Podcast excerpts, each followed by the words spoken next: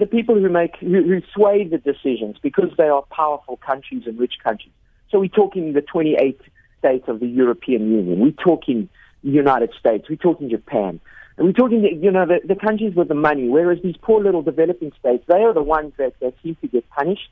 Um, you know, when a trade ban does occur, it always seems to happen to the very poor countries like the Democratic Republic of Congo for non-compliance. But it's non-compliance because the Democratic Republic of Congo doesn't have the money or the infrastructure to comply with CITES regulations. So while the rich nations get away with it, the poor nations are the ones that are really struggling with the money, with the funding, and that is why the CITES also includes a lot of NGOs. So the NGOs come in and they provide the information or try to provide information to these, these bigger countries as well as providing money to the poorer countries.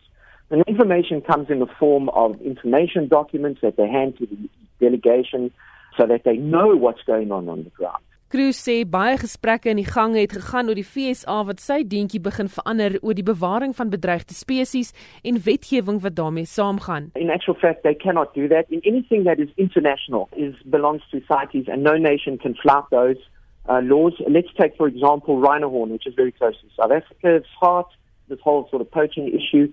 We have a domestic, we are allowed to trade in rhino horn domestically, but CITES prevents it from being traded internationally. No country can trade uh, in rhino horn internationally.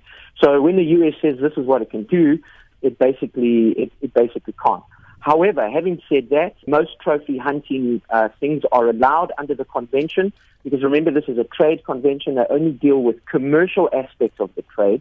So if you are a private hunter and you shoot an elephant, you are allowed to take the ivory back to America as long as you do not sell it on. So you can put it, you know, in your lounge or on your mantelpiece or whatever people do there. Cruz sê die groot finansiële skenkings wat tydens die vergadering gemaak is, is ook onder verdenking. There's a lot of money exchanged uh, and this is where the the the water gets really muddy.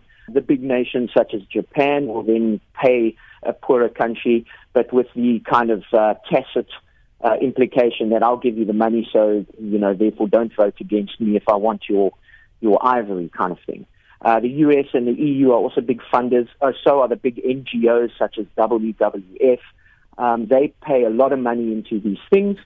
But to get to your final question, does it really work? Well, from what I can see and, and from attending these meetings for a number of years, I don't really see that much uh, happening. Uh, I think a lot of the money is wasted.